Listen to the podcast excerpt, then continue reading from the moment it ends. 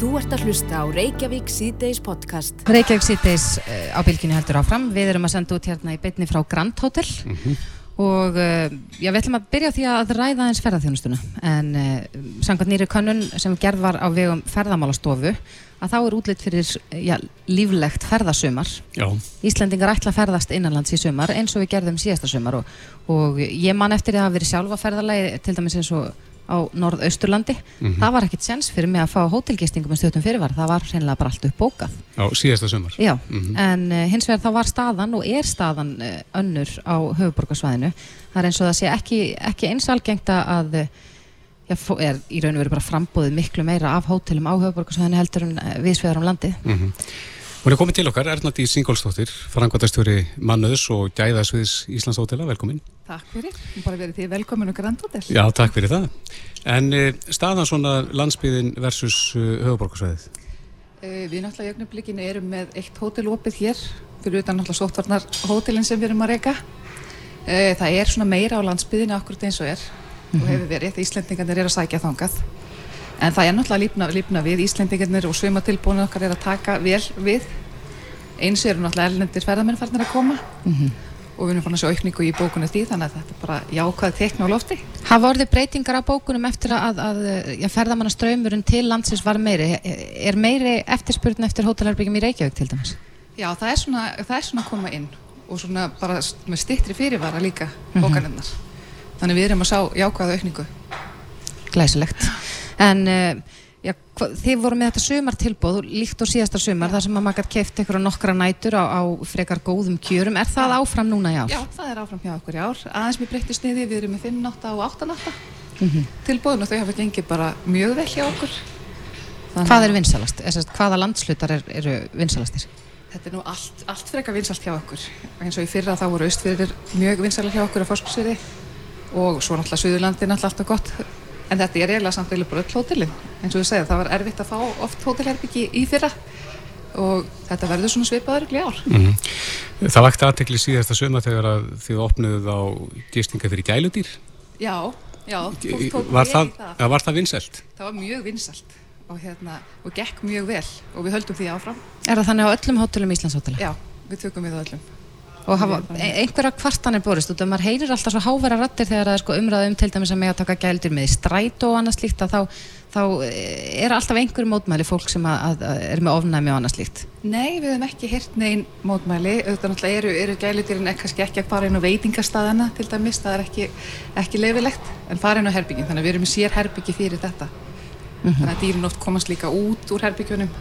þannig að Núna að undarförnu hefur svolítið verið rætt um það að það sé erfitt að finna fólk í störfina. Nú er ferðarþjónustan að fara aftur í gang og það sé reynilega bara vöndun á starfsfólki. Hvernig hefur það verið uh, hér hjá ykkur? Sko við erum náttúrulega mjög heppin með það. Við erum bara mjög stert teimi. Uh, þau stóðu vel með okkur í COVID. Við vorum mjög sveianleg og eru mörg fyrir bara að koma tilbaka. Mm -hmm. Þannig við stöndum vel að því og, og margir segja bara við erum að koma aftur heim. Mm. Er það fólk sem hefur þá farið út og heim? Já, bæði og, eða ég vil bara verið á Íslandi mm -hmm. og hérna og eru svo bara að koma aftur núna inn á hótelinu. Og það hefur gengið bara mjög vel hjá okkur. Þetta er þetta kannski mísjönd eftir landslutum það er kannski erfiðar á svæðum sem er kannski engin byggð til dæmis, mm -hmm. þá er það kannski svona aðeins erfiðara. Mm -hmm. og hérna, já en þetta hefur gengið mjög vel.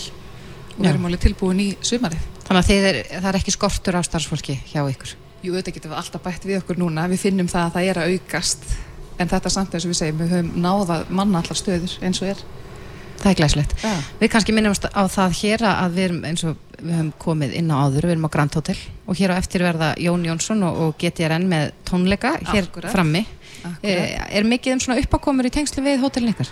Já, við erum að reyna að hafa svolítið gaman og gerum það líka í, fyrir að sumar að hafa svona eitthvað svona ívenda sem er að koma, pop-up ívenda á hótelunum Mm -hmm. Þannig að það verður, verður alls konar í gangi hjá okkur. Finnir það er mikil eftirspurn eftir slíku? Eru, eru Íslandikar þyrstir í að, að, að hittast og skemmta sig aðeins? Fyllist allt á viðbyrjuna hjá okkur. Já, Erna Dís Ingolstóttir, frangvandastjóri Mannus og Gæðasviðs Íslandshótela. Kæra þakki fyrir komuna takk og takk fyrir, fyrir að leiða okkur að vera hér. Já, takk fyrir. Þú ert að hlusta á Reykjavík C-Days podcast. Jæja, Reykjavík C-Days, við setjum hérna á Grand Hotel og ætlum að gera til hálfsju í dag. Já. En það má segja að hérna sé stormasamt í heilbyrðiskerfinu? Já, svo sannlega, það bárist fréttir af því í morguna ákveði hefur að leggja niður læknastóru og skurðstóru í Dómus Metika frá næstu áramótum. Mm -hmm. Þetta er stór breyting og, og uh, ég sé að, að, að margir hafa tjásið um þetta í dag meðal þeirra Tómas Guðbjörnsson, læknir sem við höfum ofta rætt við áður og, og hann segir þetta frekar umbúðalust, hann segir það er áhyggjöfni hvernig verið er að murka lífið úr rekstri engastofa lækna á Íslandi sem er afar vanhugsaðagerð sem er bytna á sjúklingum og lengja enn frekar bygglista á landsbytala. Einmitt. Svo eh, önnur kona sem tjáður sér máli og segir þetta að vera rót, róthögg ríkistjórnarinn á heilbreyðskerfið Hanna Katrín Freiriksson eh, þingflokksformaði viðristnar hún er hinga komin, kom til sæl Sælverði. Þú hefur tjáðið svolítið um heilbreyðskerfið og það sem að sömur kalla aðfur að því. Já, já, ég hef gert það og mér hefur þótt mjög miður að fylgjast með uh, framgöngu stjórnvalda uh, í heilbreyðsmálum á þessu kjörtjumabili um, Við höfum haft hérna um árabil, áratuga skeið um, ofinbært heilbreyðskerfi sem er bísna gott eins og við þekkjum sem hefur verið samsett af þessum ríkisregnar hlutar sem eru spítalarnir um, helsukesslunni sem er að mestu ríkisregin en enda stór hluti engaregin hér í Reykjavík með góðum árangri. Og síðan uh, svona flokk sem heitir svona sjálfstætt starfandi sérfræðingar og stofur og kemur, það eru alls konar aðilar. Það eru sjálfsegnastofnunni, það eru hjúgrunarheimir það eru læknastofur og og það eru sálfræðingar og það eru talmennafræðingar og það eru sjúkraþjálfur og listin er eiginlega endalus um, allt er þetta rekið af okkar ofnbæra kerfi. Og um þetta hefur ríkt sátt og samlendi. E, það hafa verið einhverjar skoðanar ágreiningur um hvað hver stóðin að vera stór og svo framvegis. E, en auðvitað er aðalmálið að til þess að tryggja um, að kerfið okkar þjóni notendum, þjóni sjúklingum, þjóni íslenskum almenningi og sé þannig og garði gert að það laði til sín heilbreyðstarfsfólk og staðrendir er svo að heilbreyðstarfsfólk er svo atvinnustett sem er mest eftirspurn eftir í öllum heiminn við geta valið úr sko ekki 20 heldur 100 um landa að vinna við. Þannig að það er ekkert sjálfgefið að fólk kjósi að vinna hér á landi. Þannig að það skiptir máli að búa til aðlæðandi umhverfi um, en í staðin það er að setja þetta á ottin uh, finn stilla kerfið tryggja góða uh, nýtingu fjármuna, tryggja gegnsæð tryggja jafnræðið, tryggja uh, heilbyrðisjónustu sem er uh, tryggir jafnan aðgang uh, okkar landsmanna hvar á landinu sem við búum um, óhað tekjum eða efnahag þá er einhvern veginn hefur slagurinn staðið svo mikið um nákvæmlega þetta, rekstra formið og það er náttúrulega bara algjörlega óþólandi að það skulle vera útgangspunkturinn í stefnu ríkistjóðnarinnar í heilbreyðismálum mm -hmm. og mhm. þetta er bara byrtingamind þess þessar fréttur um lokun uh, Dómus Medica næstu áramönd Dómus Medica hefur starfað í 55 ár Já. þetta eru fjöldin allar að sérfræðingum hvernig mun landslægi líta út eftir að Dómus hefur lokað hvernig kemur þetta niður á, á almenningi? Ég bind náttúrulega vonið við það að flestir þessara lækna sem starfa þarna og þetta eru sérfræðingar á, á eiginlega flestum sviðum, það er stórhópu barnalækna og það er alltaf til svo fjölskylda í Reykjavík þó víða væri leita sem ekki hefur átti erind að þanga í gegnum tíðina. Um, það hafa nú borist réttir að því að þeir hyggist leita sér að nýju húsnaði og reyni að halda starfseminna áfram. Mögulega eru einhverjir af hinnum öðrum sérfræðingum eða barnalæknunum konur á aldur og því að við þessar aðstæður er eins og ég sagði áðan nýliðunin er því miður orðin ákveðin áskorum fyrir okkur um, en stóramáli er kannski þetta að fyrir svona þjónustu veitenda eins og Dómas Medica að halda upp í þessari starfsemi það þrengi svo að, það er samnisleysi og það eru stöðu átök við helbriðisíðuvöld, við sjúkratryggingar og, og aðila Þannig að þeir treysta sér virðist vera, samkvæmt fréttum ekki í það að fara út í nöðsilegan endurbætur og ástöðinu, hvort sem það skurðstofur eða annað, með jafn óvisa framtíð og, og nú er sko.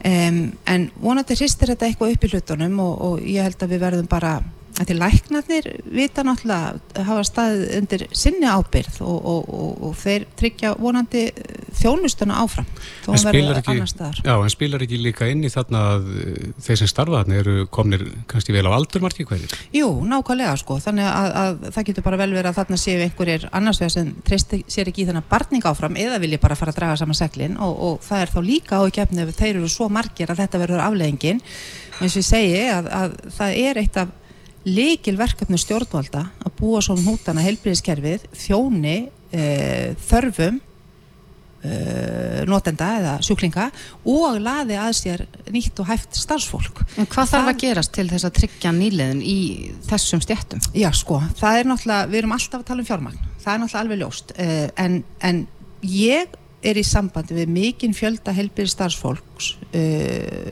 nær alla daga og ég veit það að það sem skiptir máli líka er að starfa í umhverfi. Það sem er ekki sífeldur ágreiningur um uh, í fjölmjölum það sem er ekki sífeldar semi ásakanur um að það sé verið að svindla á kerfinu en maður er ekki ríkistarsmaður það sem að fólki er treyst til að sinna sínu fæi. Mm -hmm. um, og það sé að þannig hátt gert aðlæðandi við þekkjum það alveg úr öllum greinum atvinnulífsins og öllum greinum samfélagsins að mismunandi einingar innan sama geira gegna mismunandi hlutverki. Littlar einingar sem verður þá gerðnan engareknar eða sjálfstætt starfandi þar getur gert hlutina öðruvísi, getur bröðist hraðar við, þar mögur hafa mögulega einhver, einhverja mögulega og einhverja nýsköpun hreitt sér hraðar fullt af fólki sem vill að minnst okkast einhvern hluta starfsæðun að vinna á svona stað. Þeir séu neyður í ríkisefna hlutar sem hluturinn er pínlisti þingri vöfum en þar eru menn betur í stakk búni til að framkvæma flóknari aðgerðir eða sinna flóknari verkefnum. Þar er meini rannsóknir og vísindarannsóknir og annað slíkt. Þannig að þetta, þetta verður að fá að blómstra ólíkar myndir til þess að heilbríðiskerfi allt sinni þörfum sjúklinga. Mm -hmm. það er þannig sem við gerum þetta. Og heilbríðistarfsmenn þeir eru ekkert öðruvísi en annað fólk. Eh, það vil ekkert allir vinna á ríkisfjölmili sumi vilja vinna á eitthvað fjölmili og það er alls konar ástæðu fyrir því og svo eru þriðja hópur sem fyrir á milli að því mann vilja líka geta hreift sig. Þú ferði ekkert endil og mentar því í 15 ár til þess eins að vinna hjá ríkis Lífjastofnun eða, eða Lífjaverslun eða Ríkis sjúkraþjálfun, Ríkis talmenna þjónustu, Ríkis sálfræðingastofunni, svo ég tala nú um nokkra, hérna, nokkrar fagstjættir sem núna er í, í baróttu fyrir tilveru sinni utan, fam, ríkis, utan fams ríkisins. Þannig að þetta er svona, held ég að spili stóran hluta í því að laða til okkar fólk fyrir utan aftur að vera auðvitað samkynnsværi í, í, í launum, en það mm -hmm. er hluti sem ég held að allir sér samanlum að þurfa að gerast. En uh, eins og Tómas Guðbjörnsson segir og ég vittnaði hérna á hann mm. bygglistar munu öllum líkindum lengjast við, við þessar breytingar. Heldur að það sé rétt álegt að, að þeir bygglistar sem við þekkjum nú þegar og, og við höfum nú oft hér í þessum þætti rættum til dæmis eins og liðskipta að gera rána slíkt að, að munu listarnir lengjast ef að dómus lokar Hvað hjálpa okkur að svo verður? En, en, en hérna að því þeir eru þeir eru orðinni bísna langir og, og, og ástandur náttúrulega orðið algjörlega óvið unandi og ekki bara þegar kemur á læknistjónustu heldur, heldur margra annar og ekki síst þjónustu við, við börnis og talmenna fræðingana og, og annars líkt en sko það er erfitt að segja, ég átta mikið á því. Uh, ég veit ekki hvar uh, þessum þessari þjónustu á að finna stað. Uh, landsbítalan tekur nú kannski líklega ekki við þeim eins og staðan er þar. Mm -hmm. um, hvort að eru aðra sjálfstæðastofur sem hafa svigrum til að taka einhverja hluta til sín það væri óskandi en það kemur nú kannski í ljósa á, á, á næstunni. Mögulega eru einhverju þegarfarnir að, að huga slíku málum og jafnvel frágengið. Mm -hmm. ja, Það er sagt að þetta sé kostningasumar og verður mjög pólitísumar verður framtíð heilbyrðiskerfisins kostningamál í haust? Framtíð heilbyrðiskerfisins verður klárlega kostningamál ég á mér þá von að kostningaumræðan muni ekki snúast um rekstrarform heldur um þjónustu, um þarfir notunda og um sín heilbreyðis fagfólksins á hvernig við gerum hlutina. Af því að þar likur sérfræðið þekkingin og ég myndi vilja að við leifum röttum þeirra að heyra svolítið, hlustuðu svolítið betur eftir því. Um, rekstrarformið þetta snýst um fjármögnun, um gegnsægi fjármögnunar þannig að enginn maki krókin á kostna annars um, um að við bjóðum sömu þjónustu óhæði hvar fólk býr í landinu óháð efnaða fólks. Þar með eigum við bara að láta staðan um og fá fólki okkar á að fá að leggja línutnar og ég vona kostninga umræðan um heilbríðiskerfið framtíðarinn að verða þeim nótum. Hanna Katrín Freiriksson, þingflokksformaður viðristnar, takk kærlega fyrir komina Takk fyrir mig Hlustaðu hvena sem er á Reykjavík C-Days podcast. Reykjavík C-Days heldur áfram.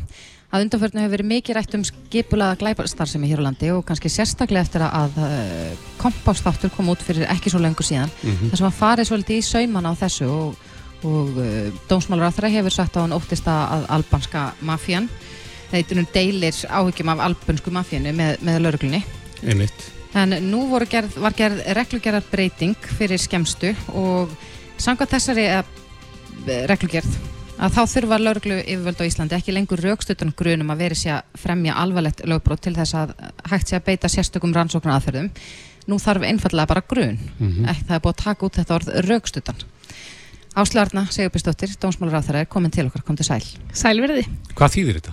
Það þýðir einfallega það á fyrstu stegum uh, í máli þar sem verður að rannsaka að þá dugar ef það er sagt, einhver grunur um mjög alvarlegt brot sem sagt, er þá meir en 8 ára fangilsi við, þannig fellur þá undir skipulega glæpastarðsemi, líkamlegt ofbeldi, nöðgun, morð, svo dæmisjöu tekin, að þá uh, þurfum ekki raukstutan grun til að hefja rannsóknina en leiðu það er komið lengra og það þarf að beita en þá hérna, meira aðgerðum að þá þarf að vera raukstutu grunur.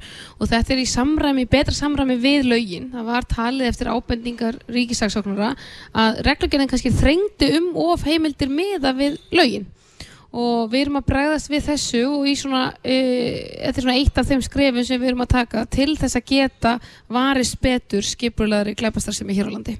Mm -hmm. Er þetta gert í Já, nú hefur, eins og ég sagði í ráðan, mikið talað um skipulaði glæpastarðsemi. Um, er það hvaðinn fyrir þessar breytingu? Já, það er það og við hefum verið að skoða löndin í kringum okkur, hvað þau hafa verið að bregða, hvernig þau hafa verið að bregðast við leið yfir ímsum aðgerðum uh, og hvar við getum gert betur og þarna kom á daginn að við værum með of þröngar heimildir fyrir þessi stórfældu brot. Við erum ekki, ekki almennar heimildir fyrir öll brot, uh, miða við til dæmis löndin í kringum okkur, Norðurlöndin, til að uh, svo dæmis ég tekið og þessar ábendingar kom bæði frá Ríkisæksóknara og eftir að við settum að sérstakka vinnuhóp af stað uh, undir fórustu Ríkislauglustjóra uh, til þess að geta tekið fyrr inn í.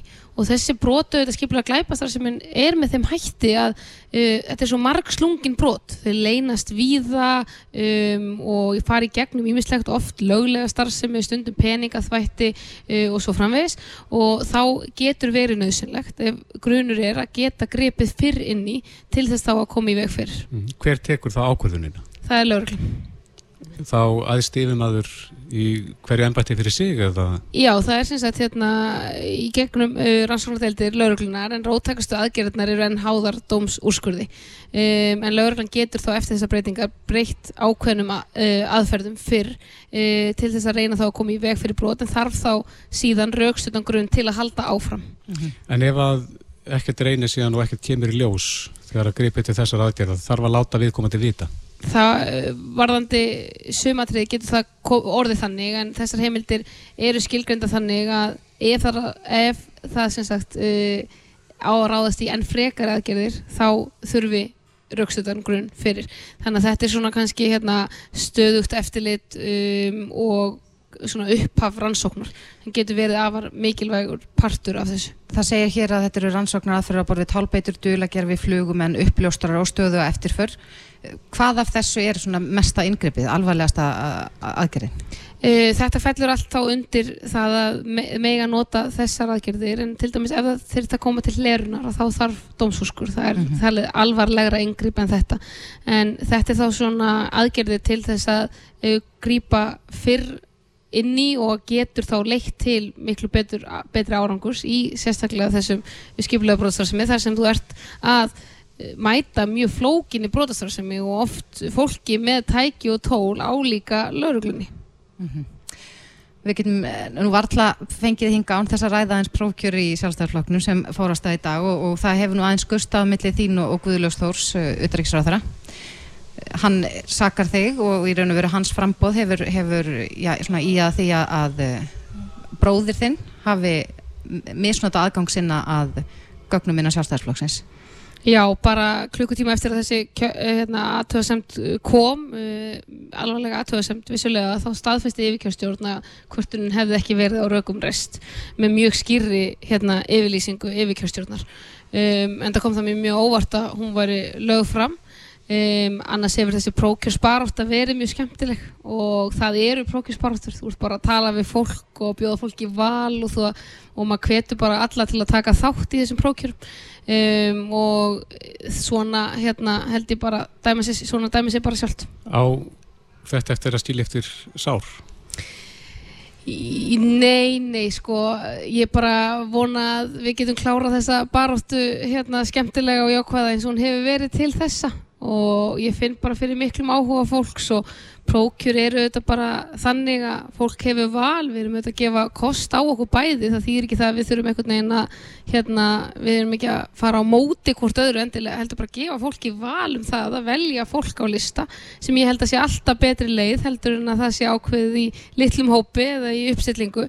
Um, og þess vegna kautum maður líka kannski fleiri hópa til þess að taka þátt í því að nýta sér uh, þetta persónakjör. Þannig að auðvitað geta alltaf komið, uh, komið spila heiðarlegan leik og er bara í þessu heilum hug og búið að vera mjög gaman. Hafið þið rætt saman þú og Guðlur? Nei. Stendur ekki til að spjalla? Ég, það kom bara mjög skýrt svar frá yfirkvæmstjórni gæri um þetta mál og, og, og þar við sittur held ég í bylli. En þið eru ekki alveg sammála um þessa niðurstöðu samt sem aður? Nei, það, hérna, en Hvar hún er mjög skýr, fólk getur bara lesið um hana. E, það eru auðvitað stór munur á því að, hérna, Saka bróðminn hafa notfært sér gögnin e, og það liggur algjörlega skýrt fyrir að hann hafi ekki gert það og hafi enga veginn haft þær heimildir eða gert það að notfært sér gögnin fyrir e, þau gögn sem lá, lá, lá fyrir fyrir prókjörið og þarna var líka þá sagt að uh, einhverja nýskráningar við hefum haft aðgang að þeim um, sem er heldur ekki rétt og búið að staðfesta það að hann hafi ekki farið inn í það kerfi þannig að þær ásakanir eru líka rángar og nýskráningar í flokkin þar voru aðfendar öllum frambjöndum á sama tíma síðastliðin mondag.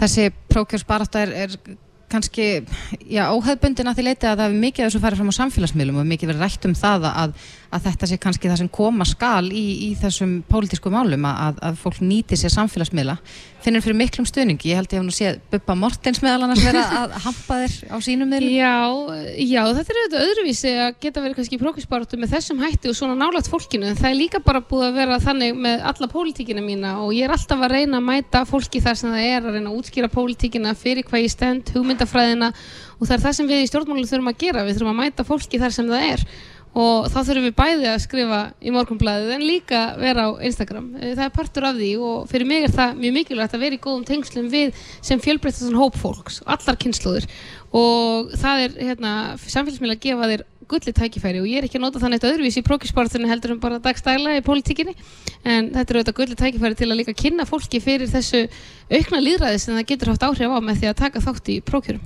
Já, Áslu Arna Sigurbjörnsdóttir, dómsmálar á þeirra. Kæra þættir og gangið vel. Takk fyrir kella. Reykjavík síðdeis á bylginu heldur áfram. Eh, Í viðhorskonnun okkar en á vísi.is og bylgjan.is vorum við nú að velta aðeins fyrir okkur hvernig, eh, já, hvort að fólk hafi farið í þægrunar aðgerði hjá lítalækni. Já, En eh, ég er í Facebook-hóp, skráð mér hann fyrir ekkert svo lengur síðan aðalega svona af einhverju forvitnissöku sem heitir lítalækningar og fægrunar aðgerði og það, þetta er 9000 manna hópur á Facebook. Já, og þarna er fólk að deila mikið af sko, upplýsingum, myndum fá reynslu sögur frá öðrum sem hafa farið aðgerð og maður sér að þetta er jafnvel algengar en maður, en maður grunar held ég. Svona færun aðgerð og auðvitað hefur líka heyrst að, að það er að svona kannski tísku ímislegt í þessum efnum í tísku eins og það að vera með starri varir og Mhm. jafnvel starri brjóst eða rass eða hvað sem það er einmitt. En við spurðum inn á uh, vísi.is, hefur þú farið í fegrunar aðgerð hjá lítalækni? Og uh, hvað myndir nú skjóta að margir svöruðu þessa spurningu í átandi? ég myndi alveg halda eitthvað um 40% eða eitthvað Já, þú ert nærið í, 38%, Já. rétt um það vil. En uh, okkur leikur fóröfna að vita hvað er svona vinsalast þegar það kemur að lítalækningum og, og kannski fegrunar aðgerðum. Guðmundur Már Stefánsson, lítalæknir í Dómus Medica, er á línunni, kom til sæl. Góðan daginn. Þú ert okkar sérfræðingur í þessum málum. Hvað, svona ef við byrjum kannski á unga fólkinu? Já, það, sko, þú varst að tala um COVID og uh, við uh, höfum tekið eftir því að það vilist ekki hafa orðin neitt með verulegu samdráttur á fjölda uh, fólk sem kemur til okkar með beinum um líta og fægrunarækir í þessu COVID ástandi, síður en svo heldur. En uh, ef við tölum um svona aldurs uh, skiptar uh, á, aðgerðir hjá, hjá fólki þá er yngsti hópurinn sem að venjulega eru nú ungar konur. Uh, þar eru algengustu aðgerðir fyrst og fremst uh, aðgerðir til þess að ég stækka brjóst til dæmis. Mhm. Fítu, fítusóksaðgerðir á maga, lærum mjög algengt og, og svo eh, náttúrulega uh, spröytur fyllefni með uh, vararfyllingar hjá ungum konum er mjög vinsæl aðgerð og uh, það hefur verið vaksandi eftirspurn eftir svona minniháttar yngrippum eins, eins og þe- þeim aðgerðum, efna spröytum. Já, þetta, og þetta tengist oftast bara útliti fólks, þetta er uh, það, það bara virðist vera svona fegrunar, uh, svona fegurðar staðlar í dag segja stærri varir og sléttari húð sé eitthvað sem er eftirsóknarvert Jú, það má, það má alveg eh, til sannslega færa svo að sé að þetta eru útlits uh, já, breytandi og vonandi bætandi aðgerðir ungra kvenna. Það eru náttúrulega til eh, fyrirmyndir á, á hérna vefmiðlun sem að þessar ungu konu kannski vilja líkast. Þannig að það er greinilega aukning í fyrirspurnum um, um þessar minniháttar fylli efna aðgerðir. Akkurat, en hefur þetta breyst með tilkomu samfélagsmiðla við þetta sjáum frækt fólk út í heimi líta út á einhvern hátt og, og, og sömum þykir það eftirsóknarvert heldur það að sé aukning á þessum aðgjörum út af, eða svona í tengslu Já, og samfélagsmiðla Ég, ég, ég, er alveg, ég er alveg 100% vissum að samfélagsmiðlar skipta miklu máli í þessu. Og uh, að sjálfsögðu kom upp umræður um uh, skaðsemi og uh, útlitt og árangur og, og fólk er mismunandi ánægt og það, það geta orðið aukaverkan í öllu þar að segja útkoma verði ekki alveg eins og fólk vill en í langflestum tilfellum er þetta nú taldar öruga aðgerður og, og, og árangur svona vel fyrirsjáanlegur. Akkurat, en, en hvað með uh, unga karlmenn uh, eru þeir líka að, að sækjast í eins og þú talar um svona fyllefni og annað slíkt Já sko, ef, að- við getum kalla bara íslenska karlmenn sömur eru rúnum ristir og það er kannski svona ætgengt út þetta að vera með djúpa hrukkur í andliti og enni og slíkt. Þannig að það hefur verið svona töluvöru ásók ungra karla í fyllefni í, í, í kringum munn og, og, og á ennin og milli augabrúna og, og slíkt en, en uh, það verður þó að segjast að konur er í miklu meiri hluta okkar viðskiptavina. Já, en þú, þú nefndir hann að fýtusóg áðan, e, sérstaklega hjá konum, það er þess að það eru rass og læri, er, er, er þetta varanlegt? Svarið við því að bara einfallega já, þetta er varanlegt ef að, ef að viðkomandi einstaklingur við heldur þeirri þyngd sem að hann er í eða hún þegar hún fer í svona aðgerð og uh, fyrirfóks aðgerðir eru gríðarlega vinsalar og hafa verið í mörg ár og uh, þessi mægi rass og læri þetta, þessi, þessi setningu, hún ná við um þessar aðgerðir. En, en hvað með ef við færum okkur aðeins ofar í, í aldurspilinu svona fólk á miðjumaldri uh, í hvað sækir það? Já, þá, þá náttúrulega er það að koma inn á aldurinn þar sem að, uh, hvað ég var að segja, húðin, húðin er að verða eldri og, og, og slakari og þá koma til aðgerðir eins og svundu aðgerðir svo kallar, það er að segja að strekja húð á, á kviðvegg, aðalega eftir batspurn en það er líka gríðarlega vaksandi eftirspurn eftir þessum aðgerðum hjá fólki sem að var of feitt og hefur farið í megrun, kannski sjálfst eða með hjálp uh, læknavísindana svo kallaða uh, maga-ermis aðgerðið eða, eða uh, hjáveitu aðgerðið Akkurat, sem að of feit of feitir einstaklingar missa kannski 50, 60, 70 kíló og húðin er þá orðin mörgum númerum á stórmiða við uh, ástandi sem að það er komið í. við höfum nú talað um það hér í þessum þætti að það voru orðið akkur, mikil aukning á þessum uh, svona efnaskipta aðgerðum. Um, ég held að það stefni í þúsund aðgerði hjá klínikin í ár. Já. er það sem sagt algengt að fólk leiti síðan til lítalækna til þess að í raun og veru ég klára þessa að einhver leiti Já, já það, er, það er ekki spurning og við höfum orðið varir við vaksandi eftirspurn eftir þessum aðgerðum og það má ekki glemma því að, að, að uh, slapp hús hjá þessu fólki er bundin við fleiri líkamsöði heldur en bara maga. Það, er- eru upphandlegir læri, uh, jafnvel uh, sko- slapp húð í, andlit og annað slikt. Þannig að þetta er, það eru mannskonar viðfangsefni sem að við fáumst við hjá fólki sem að hefur farið í þessar aðgerðir. Mm -hmm. Þegar við nefndum hérna þessa könnun sem við gerðum, heldur þess að tölusjónar er lægi? Já, það er eftir hver, hver, hvernig líta aðgerðir skilgrend, en það má ekki gleyma því að ung fólk og, og eldra líka, það náttúrulega sækist í að láta fjallæga fæðingarbletti og svona minniháttar uh, uh, húð megin, húð mm -hmm. kvilla og kannski er, er þessi fjöldi inn í þessari tölu en, en þetta er ekki langt frá lægi myndi ég áækla. Nei, en er einhverja nýjungar á þessu sviði? Er eitthvað, við töluðum nú eins og við þig held ég um hérna svona rassaliftingar og annað slikt. Sjáu þið eitthvað svona trend í lítarækningum? Ég, ég held að nýjasta trendið eh, ef að slóma orðið komast í, í, í lítalækningum er þessi svo kallu fýtu fluttningar þegar fýta er fjallagðað einu svæði líka mann svo flutta á annan og við vorum að tala þarna um daginum þetta svo kalla Brazilian Buttlift þar sem að fýta er tekinn til dæmis að kviðvegg og sprautað inn í raskina til að stekka þann líkan fluta mm -hmm en aðal kannski aðal uh, aukningin er í brjóstarstækkunar aðgerðum með fytu. Hvað er fytan tekinn þá á kvinnum og, og sett í brjóst? Já, eða utan á lærunum og, og, og hún, henn, hún er sengsur í ákveðinu tækinn þegar hún er, er fjallagt og síðan henn er spröytað inn í brjóstin. Þetta er hægt að gera bæði sem fægurunar aðgerð en þetta er oft líka notað eftir brjósta uppbyggingar hjá konum eftir eh, brotna út af krabbamennum. Er þetta talið betra heldur en sílikonbúðanir?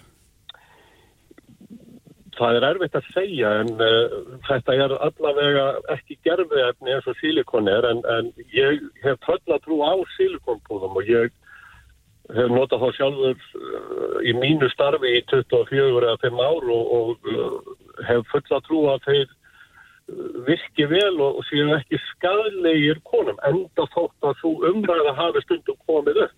Mm, það, hefur verið, verið það hefur verið talað um að, að einhverja konur uh, já, finni fyrir einhverjum ótskýrum veikindum og annars slikt eftir uh, að hafa farið í, í slika aðgerð. Já, já, ég, ég hérna, hef hitt uh, fjölda hvenna sem eru með silikonpúða og uh, segja farið sína kannski ekki sléttar heilsu fast með að síðan. Það séu konar með vöðva, bólkur, uh, svartleika og annað svíkt og það hefur uh, marga konar hafa farið fram á þessi púða séu fjallæðir í þeirri von að heilsan lægist en um, það verður að segjast ef maður á að vera bara hlutlega í þessu að að mínum að þetta eru flesta konur sem að láta fjallæga púðana uh, heilsan breytist lítið því að það má ekki gleyma því að konur geta náttúrulega að fengja sjúkdóm á þess að vera með silikonpúða mm -hmm. Og uh, en ég þekki líka nokkra og allt marga konur sem segjast hafa líðið betur eftir að púða þetta voru fjallaðir. Það má ekki gleyma því að það er syngt í púðunum sem að reynir á brjóstin og þar að leiðandi geta komið vöðvabolgar í herðar og háls og svona sem að kannski lagast við að láta fjallaða púðana. En hafa konur ekki einmitt farið í brjósta minkunar aðgerð er einmitt til þess að reyna að stennast þig við vöðvabolgu? Jú, jú.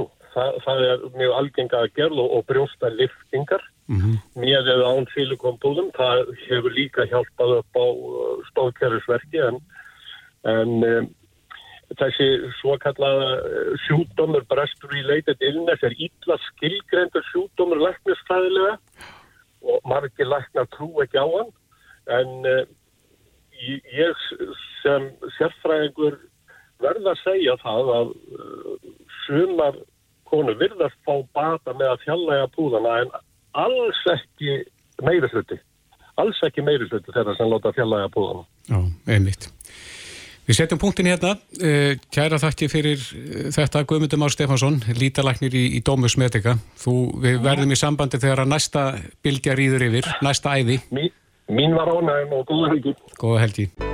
Þetta er Reykjavík C-Days podcast. Reykjavík C-Days, við erum á Grand Hotel núna og hér er gleðistund í gangi. og verður alveg til klukkan nýju kvöld. Já, það er rífandi stemning og uh, Jón Jónsson og GTRN Mhm. þau stíga á stokk núna klukkan sjö Já. og spila í klukkutíma þannig ég hvet alltaf þess að, að kíkja hingað á þessa gleðastund og, og hlýða á þau Ég er alltaf eins fram hérna á hann, hér er bara þrælgóð stemning. Já, það má segja það. Við erum aðeins afskekt svona til þess að vera ekki alveg í stemningunni rétt á meðan við erum að senda út en við munum fara fram og taka þátt. Einmitt. En hér er eitt móli að utan, uh, hér er sagt að nýri rannsókn, það voru 495 sem að tóku þátt í þessi rannsókn, en þeir komast að því að það er hægt að tefja ellikjellinga þess, það er að segja mm elliglöp. Og uh, það sem að þeir komast að var að ef að fólk hérna spilar á hljóðfæri eða syngur semur tónlist, er svona viðlóðandi tónlist að það getur tafi fyrir því að fólk eh, myndi með sér þessi elli glöp. Já, veist að við það, við það að heyra þetta.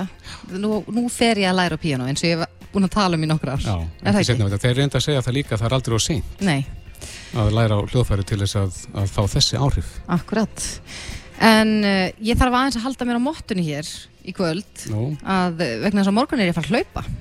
Já, Ég er að fara að taka þátt í hlaupi og þetta er stærsta utanvega hlaup eh, Íslands. Mhm. mjög falleg hlaupalið. Þetta er hengill últra og mér skilst að það séu einhverjir eh, já þó nokkrir, yfir tíu manns Mhm. sem ætla að hlaupa 160 km byrjuðu klukkan 2 í dag og einn af þeim ég held að markmiði hjá einum hann heitir Sigurjón Ernir og við höfum nú talað við hann hér áður Mhm. er að vera undir sólarring þannig að þetta því að hann er að hlaupa í heilan sólarring stanslaust. stanslust, ég, ég, hann hlýtur að fá sér einhverja næringu en við skulum kanna þetta hans betur Já. á línunni hjá okkur er Þórir Erlingsson hann er mótstjóri Hengils Ultra kom til sæti Þórir Já, komið sæl.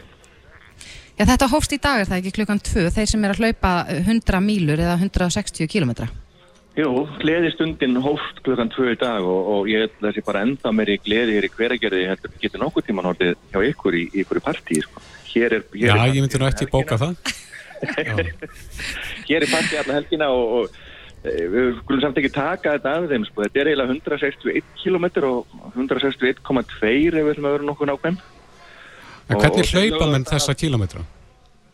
Já, Í, í við beit? Er, já, og er menn Já, að allan tíman?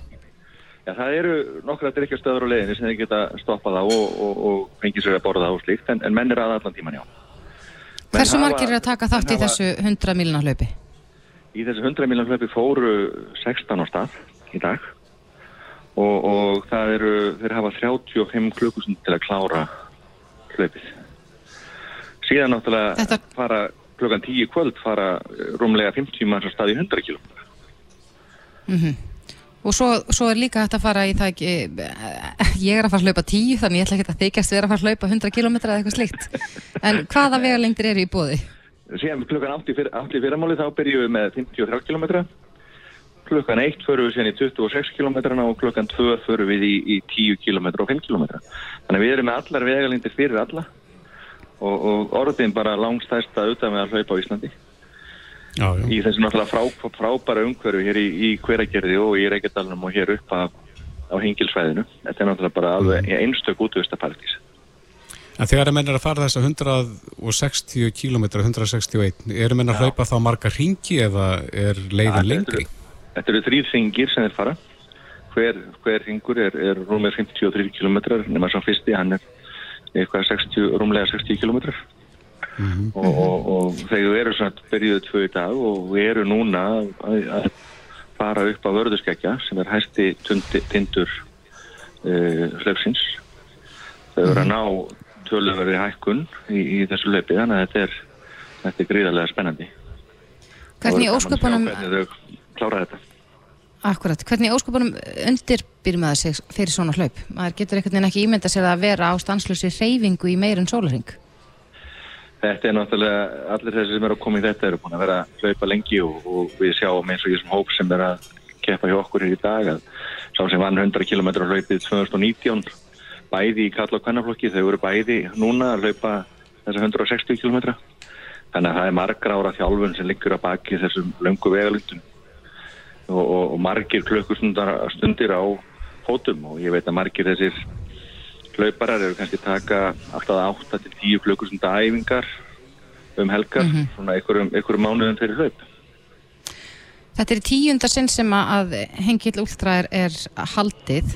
Um, ég, ég er að horfa einna á vefmyndavélina sem þeir eru með. Það er nú ekkit sérstækt veður. Spilar það ekkit inn í? Jú, jú. Veður er, er samt að mörguleiti svona hugafars ástand. E, við erum ekki að slástu rók núna, við erum að slástu rigningu og, og, og þóku, svona súld og það er ekkert að vesla til að hlaupa í. E, sólin ef það er allt og heitt, það getur líka verið mjög erfittur að hlaupa hann. En, en þetta er svona, er allt veður og allar, allar ytri aðstæður á hverjum tíma eru partur af þessar áskorunum sem menn eru að fást við. Og, og núna hlaupum við samt í, í bjartri sumanóttinni þó að verði kannski ekkit alltaf bjart í nótt en, en fyrir nokkrum árum þá vorum við með þetta hlaup í september og þá var myrkurunóttinni þegar menn voru að hlaupa. Já, já. Hvað eru margir hlaupara skráði til leiks í heldina? Það er ykkur í 1350 hlaupara cirka Mm sem eru að taka þetta, við tökum allar veguleitir. Hefur þetta stækkað, Þórir, þetta hlaup? Já, þetta, e, þetta hefur stakkað mjög hrætt. Við vorum með rúmlega 700 keppundur í fyrra og, og, og eitthvað færri árið áður og við erum bara búin að vera stakkað mjög hrætt og, og við erum bara búið til hlaupa hátíð í hverjargeri. En hvað heldur að valdi þessari stækkun? Er, eru fleiri að hlaupa? Er þetta afsprengi af COVID ástandinu að, að fólk gæti ekki farið eins mikið í rektina og það var vant og fór í staðin út að hlaupa?